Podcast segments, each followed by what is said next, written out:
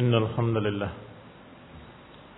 نحمده ونستعينه ونستغفره ونعوذ بالله من شرور أنفسنا ومن سيئات أعمالنا من يهده الله فلا مضل له ومن يضلل فلا هادي له وأشهد أن لا إله إلا الله وحده لا شريك له وأشهد أن محمدا عبده ورسوله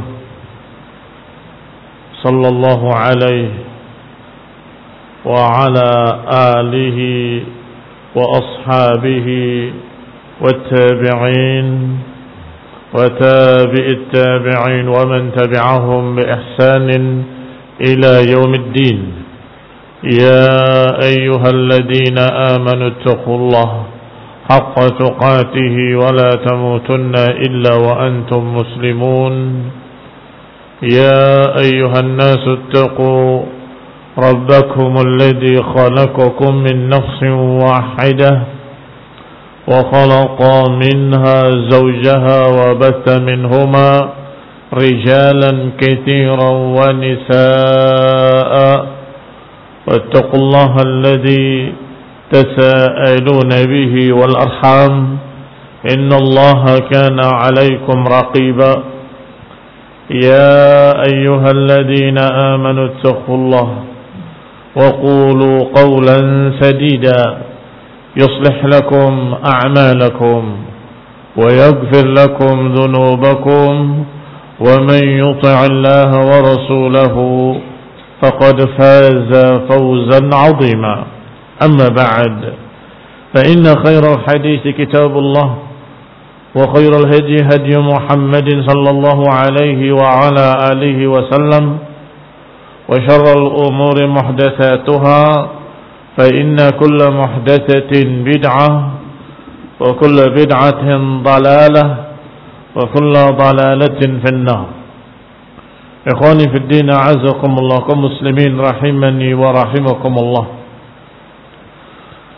Sudah disebutkan beberapa sifat-sifat ahlul kitab yang ternyata ada sebagian kaum muslimin yang mengikuti sifat-sifat mereka.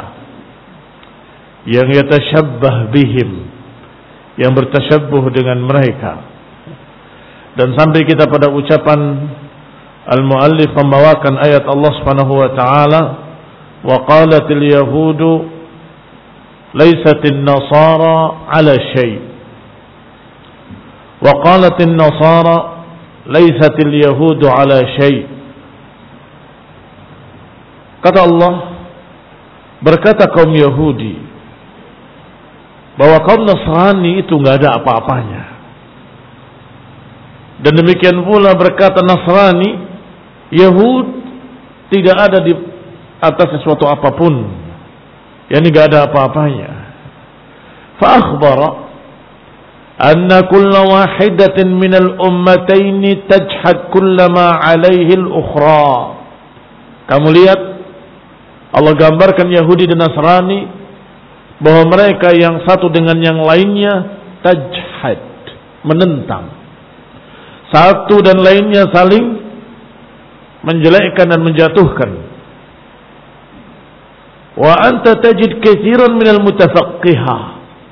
Ternyata engkau dapati di kalangan mutafaqqihah yang baru belajar fiqh إذا رأى المتصوفة والمتعبدة لا يراهم شيئا mereka jika melihat tarekat yang lain dari tarekat-tarekat sufiyah al-muta'abbidah ahli ibadah la yarahum syai'a tidak dianggap ada apa-apanya wala ya'udduhum illa juhalan dalala. Mereka tidak menganggapnya kecuali juhalan dalalan. Wala ya'taqid fi tariqihi min al-ilmi wal huda syai'a. Mereka tidak meyakini di tarekat mereka sedikit pun ada ilmu, ada petunjuk, ada kebaikan sedikit pun. Wa tara katsiran min al-mutasawwifah. Sebaliknya kaum mutasawwifah yaitu mutafaqqirah yang selalu berpenampilan fakir, yang selalu berpenampilan miskin. La yara syari'ah wal ilmi syai'a. Mereka juga tidak menganggap syariat dan ilmu yang dibawa oleh ahli fikih ada sesuatu apa-apanya, ada tidak ada nilainya. Menganggap fikih nggak ada nilainya. Bal yara anna al-mutamassik biha munqati'an 'anillah Bahkan menganggap orang yang belajar fikih, sibuk belajar syariat, mereka kurang ibadah. Dianggapnya mereka munqati'an anillah. Mereka terputus dari Allah katanya. Wa annahu 'inda ahliha syai' mimma yanfa' 'inda Allah. Mereka menganggap para mutafaqqihah yang belajar fikih dianggap mereka tidak memiliki apa pun yang bermanfaat. Ikhwani fidina azakumullah. Seluruh ahlul bid'ah. Apakah yang mutafaqihah ataupun yang mutasawwifah saling menjelekkan, saling menyalahkan dan menganggap remeh yang lainnya. Persis seperti golongan aklani dengan golongan sufi. Aklani rasionalis yang mendewakan akal mereka menganggap kaum sufi itu dungu, bodoh, nggak punya ilmu ila akhirnya. La syai. Sufinya juga menganggap mereka para rasionalis itu mereka terpisah dari Allah, terputus dari Allah, kurang ibadah ila akhirnya. Ikhwani fi din a'azakumullah kaum muslimin rahimani wa rahimakumullah. Wa annahu laysa 'inda ahliha syai'un mimma yanfa' 'inda Allah syai'a. Dan bahwasanya menurut mereka di sisi lawannya tidak memiliki apa pun yang bermanfaat, tidak memiliki sedikit pun perkara di sisi Allah yang bermanfaat. Ikhwani fi din a'azakumullah.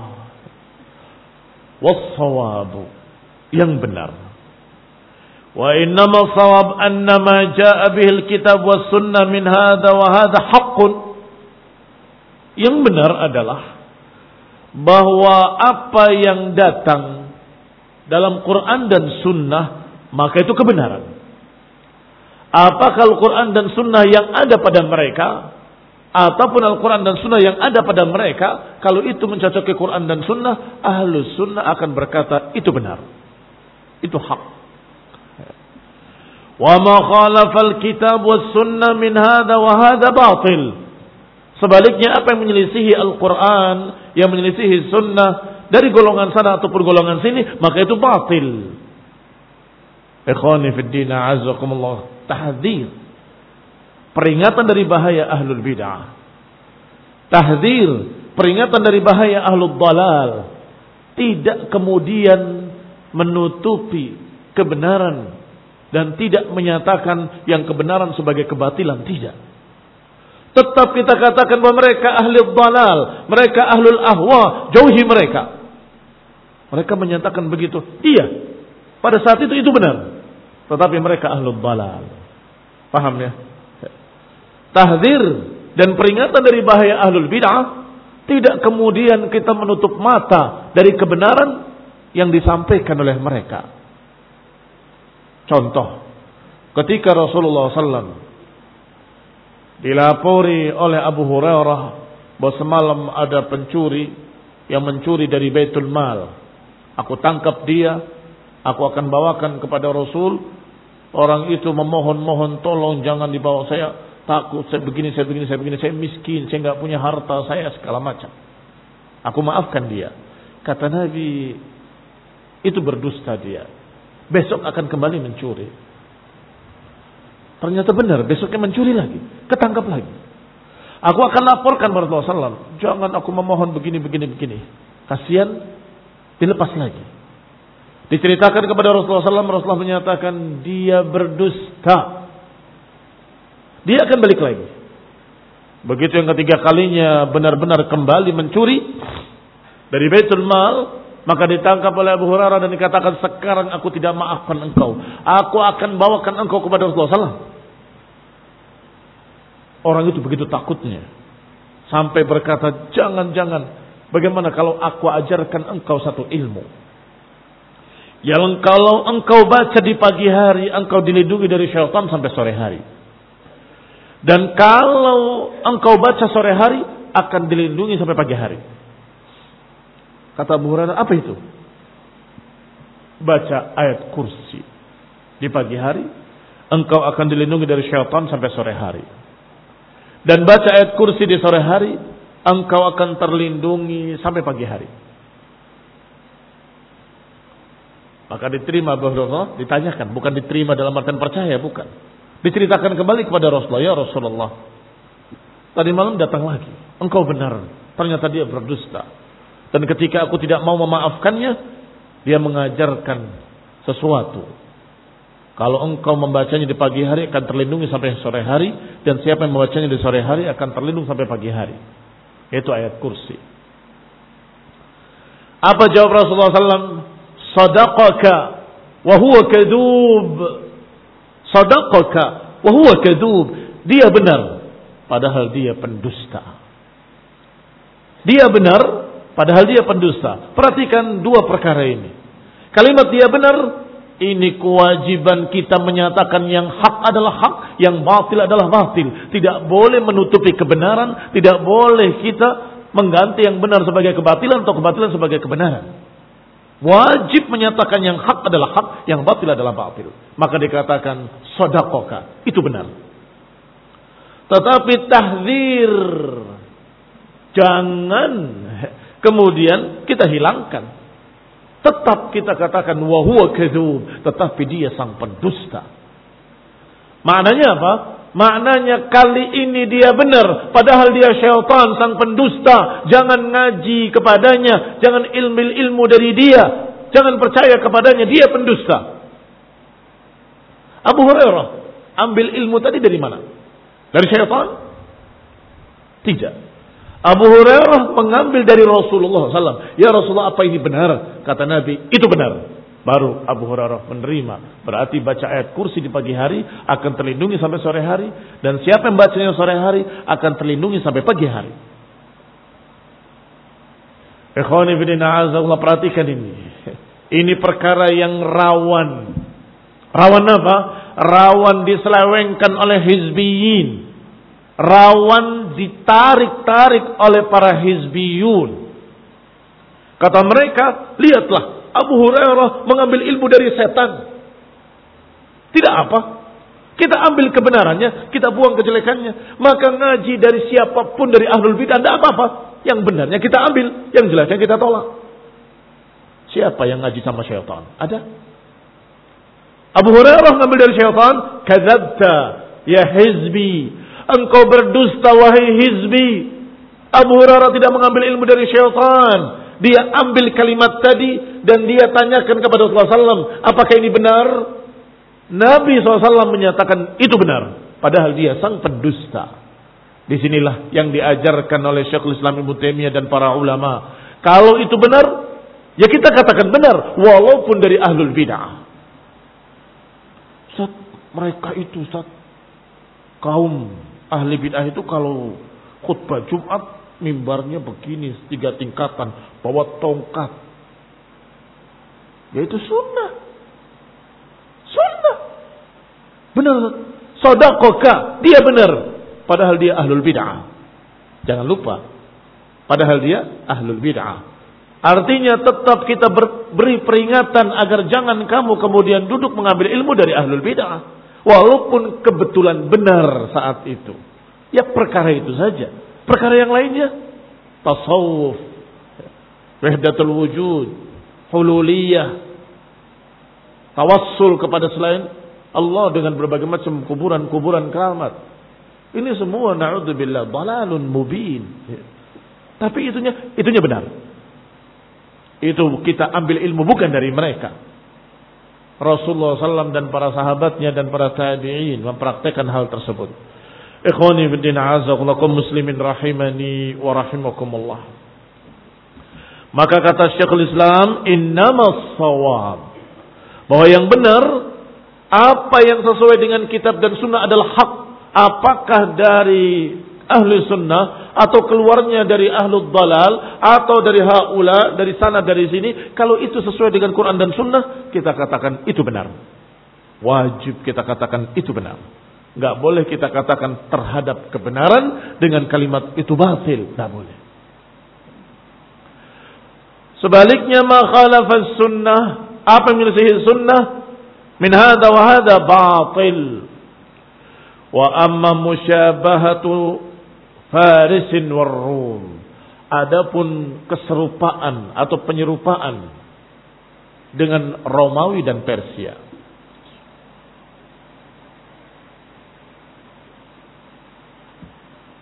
Karena dalam riwayat kemarin yang sudah kita baca, yang satu disebutkan Ayahud wan Nasara, kata Nabi, faman. Siapa lagi? Kalau bukan mereka. Berarti Yahudi dan Nasrani. Di dalam hadis yang lain, disebutkan oleh Nabi dengan hampir sama bahwa kalian akan mengikuti orang-orang sebelum kalian. Para sahabat bertanya, kafarisin warum Apakah seperti Persia dan Romawi? Nabi menjawab, "Wa manin nas illa ulaik." Siapakah manusia kalau bukan mereka? Romawi dan Persia. Maka berarti ada pula umat ini yang akan mengikuti bangsa Romawi dan mengikuti bangsa Persia. Padahal mengaku muslimin. Faqad dakhala minhu fi hadhihi al-ummah min al-athar ar-rumiyah qawlan wa amala. Telah masuk di tengah-tengah umat Islam perkara-perkara sisa-sisa dari peradaban Romawi secara ucapan dan perbuatan. Wal asaril farisiyah qaulan wa amalan. Demikian pula yang merupakan kebiasaan Persia secara ucapan dan perbuatan. Mala khafa'a yang tidak tersamar lagi. La khafa'a tidak ada kesamaran padanya. La khafa'a fihi ala mu'minin alimin bidinil Islam. Tidak tersamar bagi seorang mukmin yang paham tentang agama Islam. Wa bima hadatsa dan dengan apa yang terjadi pada umat ini. Sudah pernah kita ceritakan acaranya kaum muslimin yang mereka judul, beri judul Palestine Day. Untuk menyaingi katanya menyaingi Valentine Day. Kalian bikin Valentine Day, kami bikin Palestina Day. Palestine Day katanya. Apa acaranya? Renungan malam. Merenungi bagaimana kaum muslimin yang dibantai di Palestina. Anak-anak dan ibu-ibu yang terlantar di kem-kem pengungsian. Bukankah kita harus membantu mereka, menolong mereka? Ila akhirnya. Bagaimana dilakukan? Di tengah malam, tahajud bersama, setelah itu lampu dimatikan, nyalakan lilin di tengah dan mereka meriung. Persis seperti kebiasaan Persia. Persia itu identik dengan penyembahan api. Sehingga acara mereka selalu dinyalakan di tengahnya api. Mengapa kalian tasyabbahtum bihaula'il farisiyin? Kenapa kalian menyerupai orang-orang Persia? Ikhwani bin a'azakumullah muslimin rahimani wa rahimakumullah. Syiah memiliki sekte-sekte. Di antaranya ada sekte yang namanya Druz. Di zaman Khulafa Abbasiyah dulu mereka berhasil menguasai Ka'bah dan menyalakan api di atas Ka'bah agar orang yang tawaf di samping mereka tawaf mengelilingi Ka'bah, mereka tawaf mengelilingi api. Apakah itu bukan ajaran Persia? Ja'a daurul majus. Kembali ajaran Majusi. Kembali ajaran Persia. Kembali di tengah-tengah orang yang mengaku muslimin. Astagfirullah. Faman tashabbaha biqaumin fahuwa minhum. Siapa yang menyerupai mereka berarti golongan mereka. Tapi bagaimana dengan yang lain? Sudah sering kita sampaikan. Ahlul kalam, ahlul filsafat. Mereka lebih mengambil ucapan-ucapan kaum Romawi daripada kaum muslimin, para ulamanya. Lebih memilih ucapan orang-orang kafir Yunani daripada ulamanya. Tidak berkata qala Abu Bakar wa Umar. Tidak berkata qala Abdullah bin Mas'ud wa Abdullah bin Umar. Tidak berkata qala Imam Ahmad atau Imam Syafi'i. Tetapi yang mereka katakan qala Aristo, qala Plato. Berkata Aristoteles atau Plato atau ila akhir. Ini tokoh-tokoh kafir dari Yunani sana. Persis seperti ucapan Rasulullah SAW.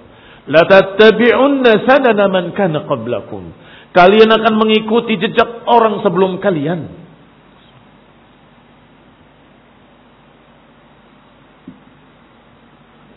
Walaisal ghard huna tafsilul umur allati waqa'at fil ummah mimma tadara'a tariqal maghdubi dallin bukan tujuan kami di sini untuk merincikan apa saja contoh-contohnya dari yang terjerumus di dalamnya umat ini.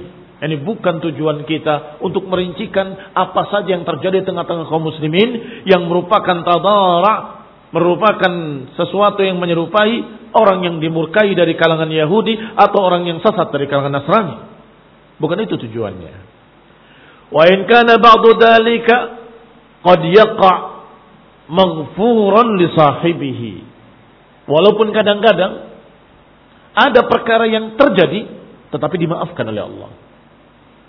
Karena sudah kita kita katakan tasyabuh itu macam-macam. Ada yang tasyabuh dalam dasar-dasar akidahnya dan itu bisa kufur. Ada tasyabuh dalam bentuk-bentuk ibadahnya dan itu dosa besar. Bid'atun muhdatsa. Bisa pula di bawahnya, di bawahnya, di bawahnya, di bawahnya.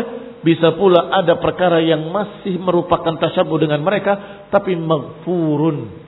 Masih dimaafkan Imma lijtihadin aqta'afi. Mungkin karena orang itu berijtihad. Tapi salah. Wa imma li hasanatin mahatis sayyiat. Atau karena dia punya kebaikan-kebaikan yang banyak. Maka tasabuhnya tadi yang bukan yang besar tadi. Termaafkan. Atau Atau yang selain itu. Wa innamal gharad. Tetapi yang dimaukan adalah an nubayyin daruratal abdi wa faqatihi ila hidayatus siratal mustaqim. Sesungguhnya tujuan utamanya adalah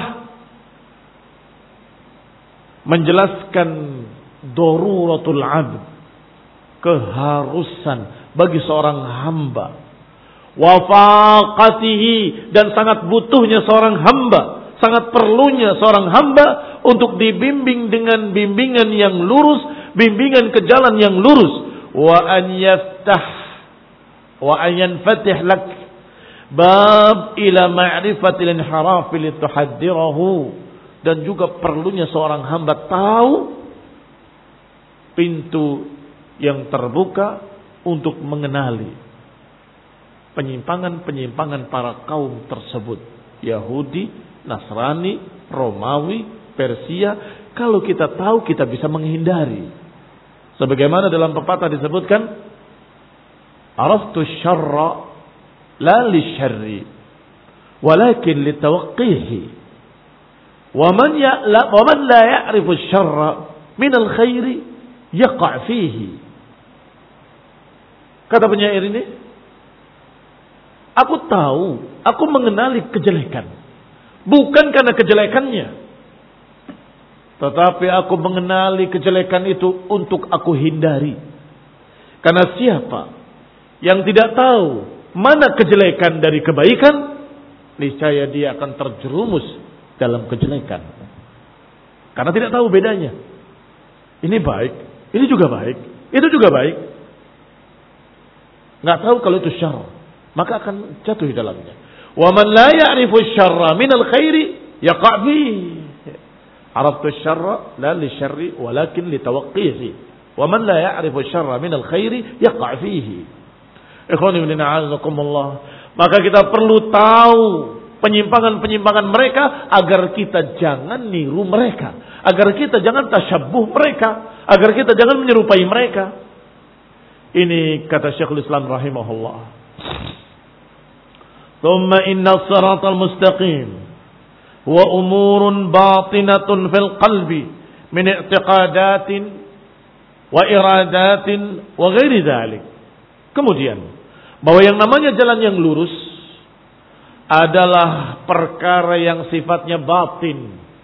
Jalan yang lurus itu tidak bisa dilihat dengan kasat mata seperti jalan tol. Tidak. Tidak seperti jalan raya. Tidak seperti jalan setapak. Tidak. Jalan yang lurus adalah sifatnya batinah. Di dalam batin. Bukan hissi tetapi ma'nawi yaitu apa yang ada dalam hati, keyakinan-keyakinan yang lurus, iradah kehendak-kehendak yang baik. Itu semua jalan yang lurus. Maka kalau kita di hati ini penuh dengan ilmu, akidah yang lurus ini, ibadah yang benar ini, akhlak yang baik ini, dan seterusnya, ini namanya jalan yang lurus. Telusuri jalan-jalan ini jalan akidah, jalan ibadah, jalan akhlak yang mulia, jalan suluknya Rasulullah SAW, ila akhirnya. Jalan salaf, jalan sunnah.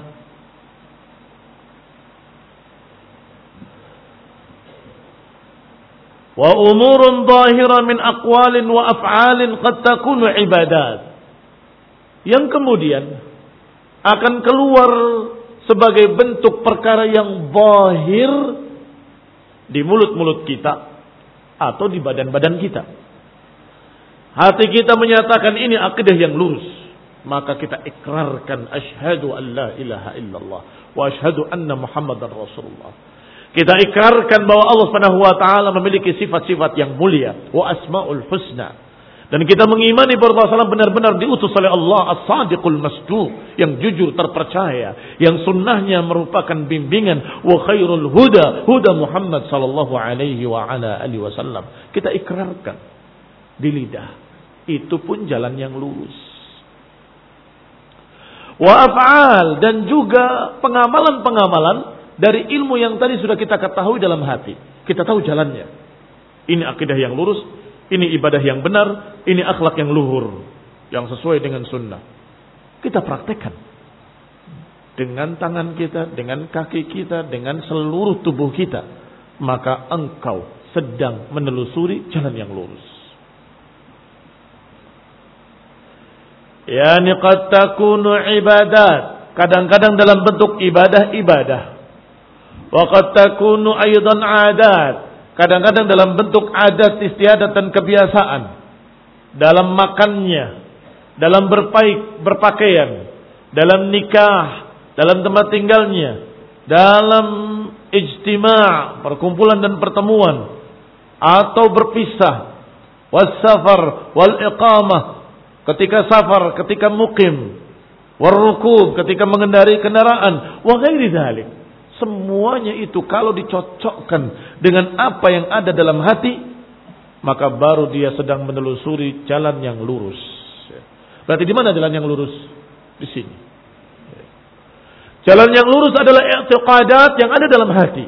Ilmu tentang ibadah yang benar ada ada dalam hati. Akhlak sunnah yang diajarkan oleh Nabi yang diketahui dalam hati, yang diyakini dalam hati, itu jalan yang lurus. Adapun perkara yang dohir amalanmu, perbuatanmu semuanya itu tergantung. Kalau sesuai dengan apa yang ada di dalam hatimu tadi dari akidah yang lurus, ibadah yang benar dan seluruhnya, maka engkau berada di jalan yang lurus. Kalau tidak, ya tidak. Kembali kepada ucapan Syekh Al-Islam rahimahullah. Wa hadhihi al-umur al-batinah wal-zahirah bainahuma wala budda irtibatun wa munasabah. Maka dua perkara tadi. Yang batin dalam hati dan yang bohir dalam amalan perbuatan harus ada kesesuaian. Dan harus ada al-irtibat, hubungan yang kokoh. Bil qalbi min asy-syu'uri wal hali yujib umuran zahirah karena apa yang ada dalam hati dari berbagai macam keyakinan, perasaan, keadaan yang ada dalam hati semuanya akan mempengaruhi umuran zahirah. Pasti akan mengaruhi amalan-amalan zahirnya, ucapan-ucapan zahirnya.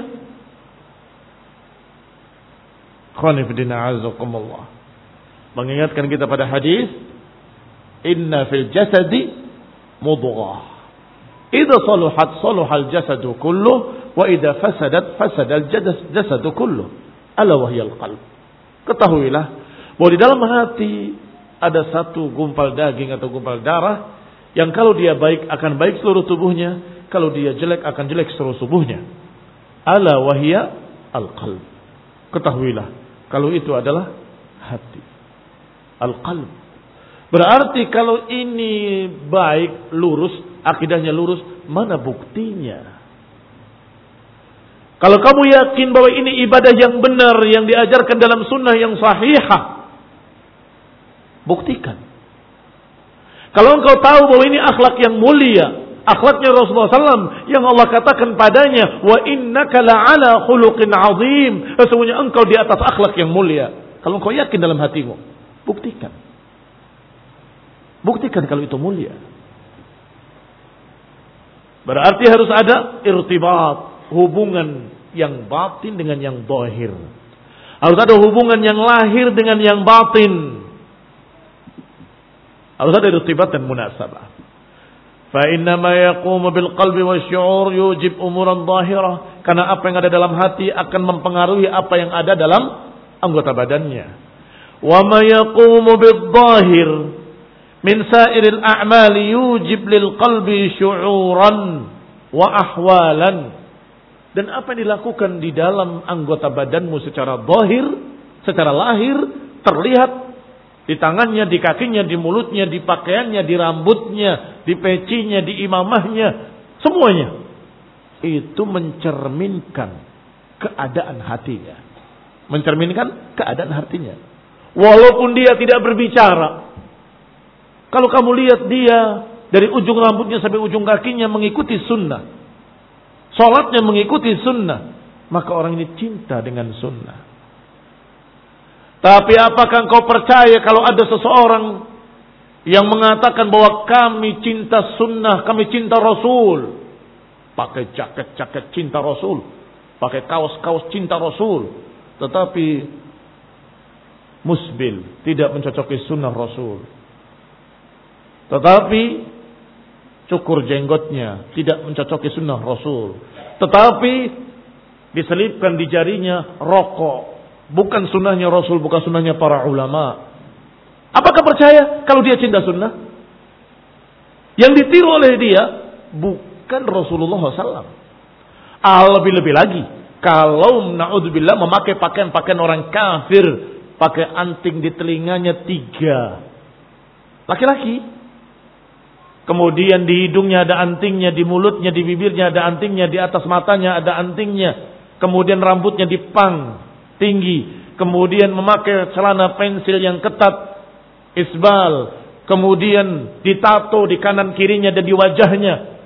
Percayakah kamu kalau dia adalah muslim? Wallahi terjadi. Terjadi. Ada seseorang yang cerita langsung pada saya. Orang itu kebetulan menikah dengan orang di luar sana, di Eropa. Dia sekian lama jauh dari agama, akhirnya dia taubat, pengen baca Quran, pengen kembali pada agama. Tapi nggak punya Quran. Cari.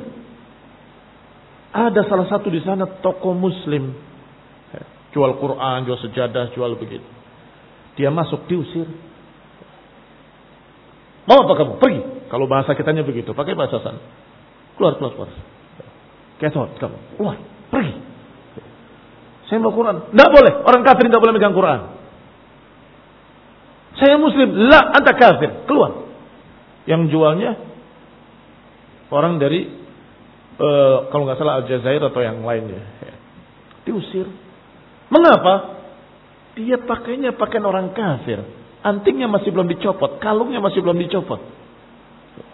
Dia sampai menyatakan, Wallahi saya muslim, masyadu la ilaha illallah. Di depan toko nggak boleh masuk. Identitas, barakallahu fikum. Orang itu cukup melihat penampilannya. Kamu itu tidak mirip orang muslim. Kamu miripnya dengan mereka, orang-orang kafir.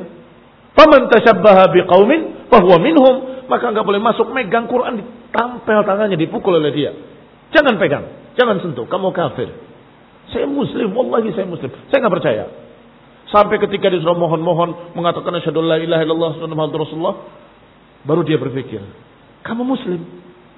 Pakaianmu dari ujung kepala sampai ujung kaki enggak mencerminkan keislaman. Bagaimana saya bisa percaya? Copot. Copot. Kalungnya copot. Antingnya copot. Semua copot. Buang. Ya Syekh, ini emas. Eman saya buang. Kata saya. A'azakumullah kaum muslimin rahimani wa rahimakumullah. Jadi gambaran yang digambarkan oleh Syekh Islam rahimahullah bahwa apa yang ada dalam hati akan mencerminkan apa yang di dalam badannya. Dari pakaiannya, perbuatannya, ucapannya, semuanya akan mencerminkan apa yang dalam hatinya. Kalau cintanya kepada Rasulullah SAW akan berusaha untuk meniru Rasulullah SAW. Kalau cintanya kepada artis akan mengikuti model-model artis. Begitu. Barakallahu fiikum. Dan itu cerminan hati seseorang akan tampak dari identitas yang ada pada dirinya, pada pakaiannya, pada ucapannya, pada perbuatannya, pada akhlaknya. Akan terlihat.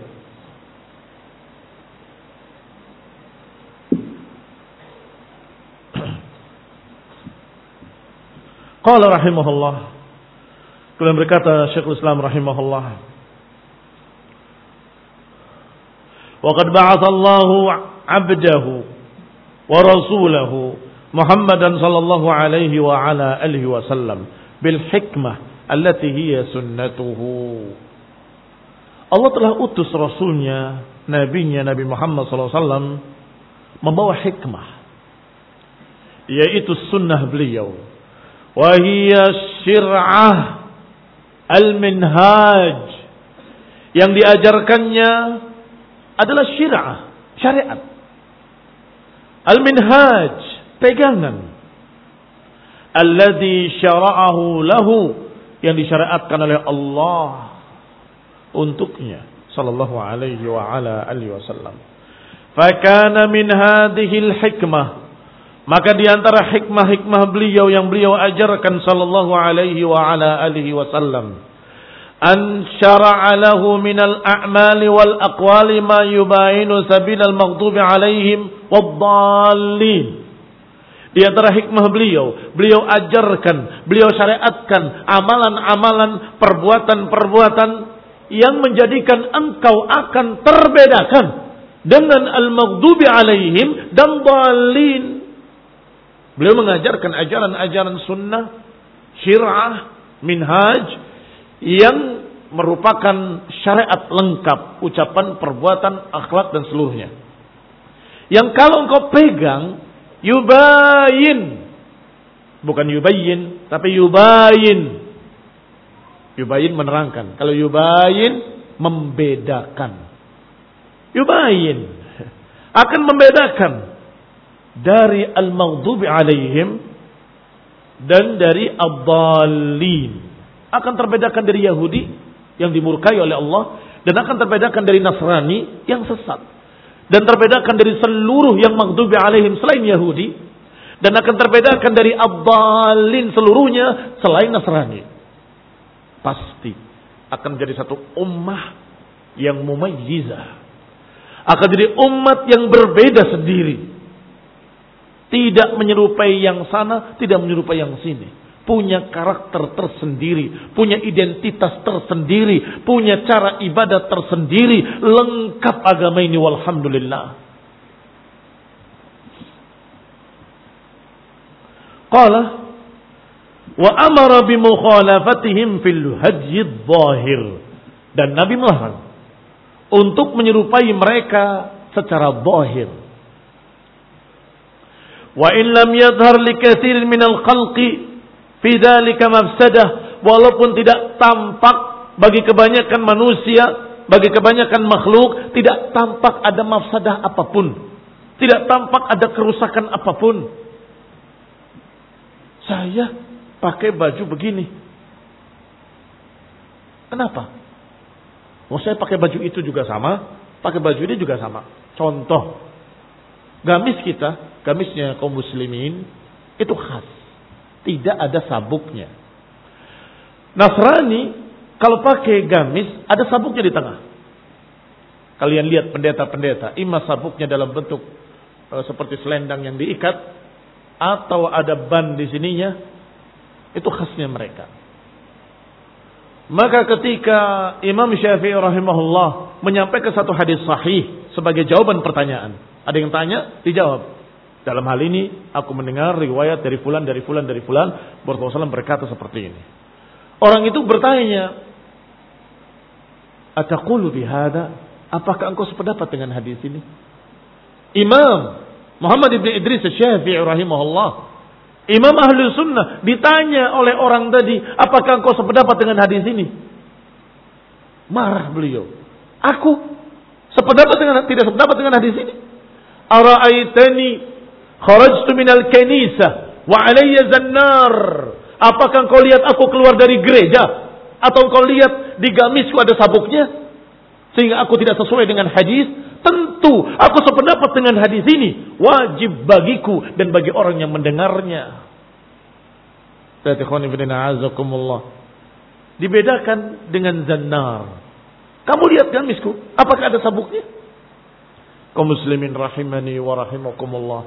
Kata beliau, kata Syekhul Islam, walaupun menurut kacamata orang awam, kebanyakan para manusia, apa sih mafsadahnya? Kamis dikasih ban di tengahnya. apa kerusakannya? Nggak ada kan? Pakai baju ini, baju itu sama saja. Nggak berbeda. Iya. Memang sepintas tidak tampak mafsadah. Tidak tampak mafsadah apa pun. Tetapi identitasmu. Muslim gamisnya bukan seperti itu. Barakallahu fikum. Sehingga hati-hati. Jangan pakai gaya. Perempuan terutama. Hijab dibikin model ini, model itu, model. Kamu ini sedang apa? Hijab itu untuk menunjukkan kalian sebagai muslimah agar tidak menjadi fitnah, agar tidak mencolok dan memanggil-manggil pandangan kaum laki-laki sehingga tidak perlu dihias dengan apa pun. Kain yang besar, lebar, kamu kerudungan dari kepalamu sampai ke bawah kakimu, kemudian kamu ngintip dari celahnya, itu sudah hijab yang syar'i. Sebagaimana awal pertamanya turun hijab, rahimallah nisa al-ansar. Semoga Allah merahmati para wanita-wanita ansar. Ketika turun ayat hijab, mereka ambil gorden mereka, tirai mereka untuk menutupi seluruh tubuh mereka. Kemudian mereka berjalan dengan mengintip dengan satu mata. Enggak ada model A, model B, model C. Semakin bagus, semakin jelek. Semakin bagus bentuknya cantik, semakin jelek secara syar'i karena semakin jadi fitnah. Semakin jadi fitnah. Ingat itu. Ikhwan ibn a'azumullah kembali kepada ucapan Syekh Islam rahimahullah. Kata beliau, walaupun bagi kebanyakan manusia tidak melihat, tidak tampak adanya mafsadah. Wa in lam yadhhar li katsirin minal khalqi fi dzalika mafsadatun. Tetap jangan. Apa jeleknya? Apa salahnya? Pakai dasi nggak dengan nggak pakai dasi apa sih salahnya? Iya. Biar apa pakai dasi? Untuk bisa dipegang dan diseret seperti kambing. Untuk apa? Nutup aurat juga bukan. Apa? Ini keanehan-keanehan yang terjadi dalam tasyabbuh. Kau muslimin rahimani wa rahimakumullah. Tetapi tetap tidak boleh kita menyerupai. Walaupun tidak terlihat mabarat. Tidak terlihat mafsadah. Mengapa tidak boleh? Apa alasannya? Minha. Yani li umurin. Karena beberapa perkara. Perkara pertama. Annal musyarakah fil haji zahir turisu tanasuban wa tasyakulan bainal mutasyabihaini yaqudu ilal muwafaqah fil akhlaqi wal a'mal. Alasan pertama, bahwasanya persamaan secara dohir, pakaian misalnya, akan mewariskan dalam hati kedekatan. Hah, kamu sama dengan saya. Dan akan sampai pada kedua golongan yang sama ini kecocokan. Dan mulai meniru pula akhlaknya wal a'mal dan perbuatan-perbuatannya akan niru pula. Lihatlah, kalau sudah orang pakai pakaian pang, kira-kira akan ke masjid? Ya enggak lah. Saya muslim, bukan kafir. Ya, ya, ya, ya. ya. Kan kenapa kalau saya pakai pakaian begini? Yang penting saya sholat. Kamu sholat ke masjid? Enggak. Kenapa? Malu. Ya. Kenapa malu? Ya berbeda, aneh sendiri. Bukan golongannya muslimin. Bukan pakaiannya muslimin. Apalagi mau dikatakan pakaian ahlu sunnah terlalu jauh. Maka orang yang sama pakaiannya otomatis akan mendekati orang yang sama pula. Otomatis. Ya. Akan di tengah-tengah orang-orang yang baik. Karena pakaiannya pakaian orang baik. Kalau pakaiannya pakaian anak nakal, pakaian orang jelek, maka dia akan mendekati orang-orang yang sama. Kalau pakaiannya pakaian orang kafir, akan terlihat. Sehingga ketika kita melihat di jalan-jalan, kita akan tahu, oh itu baru pulang dari masjid.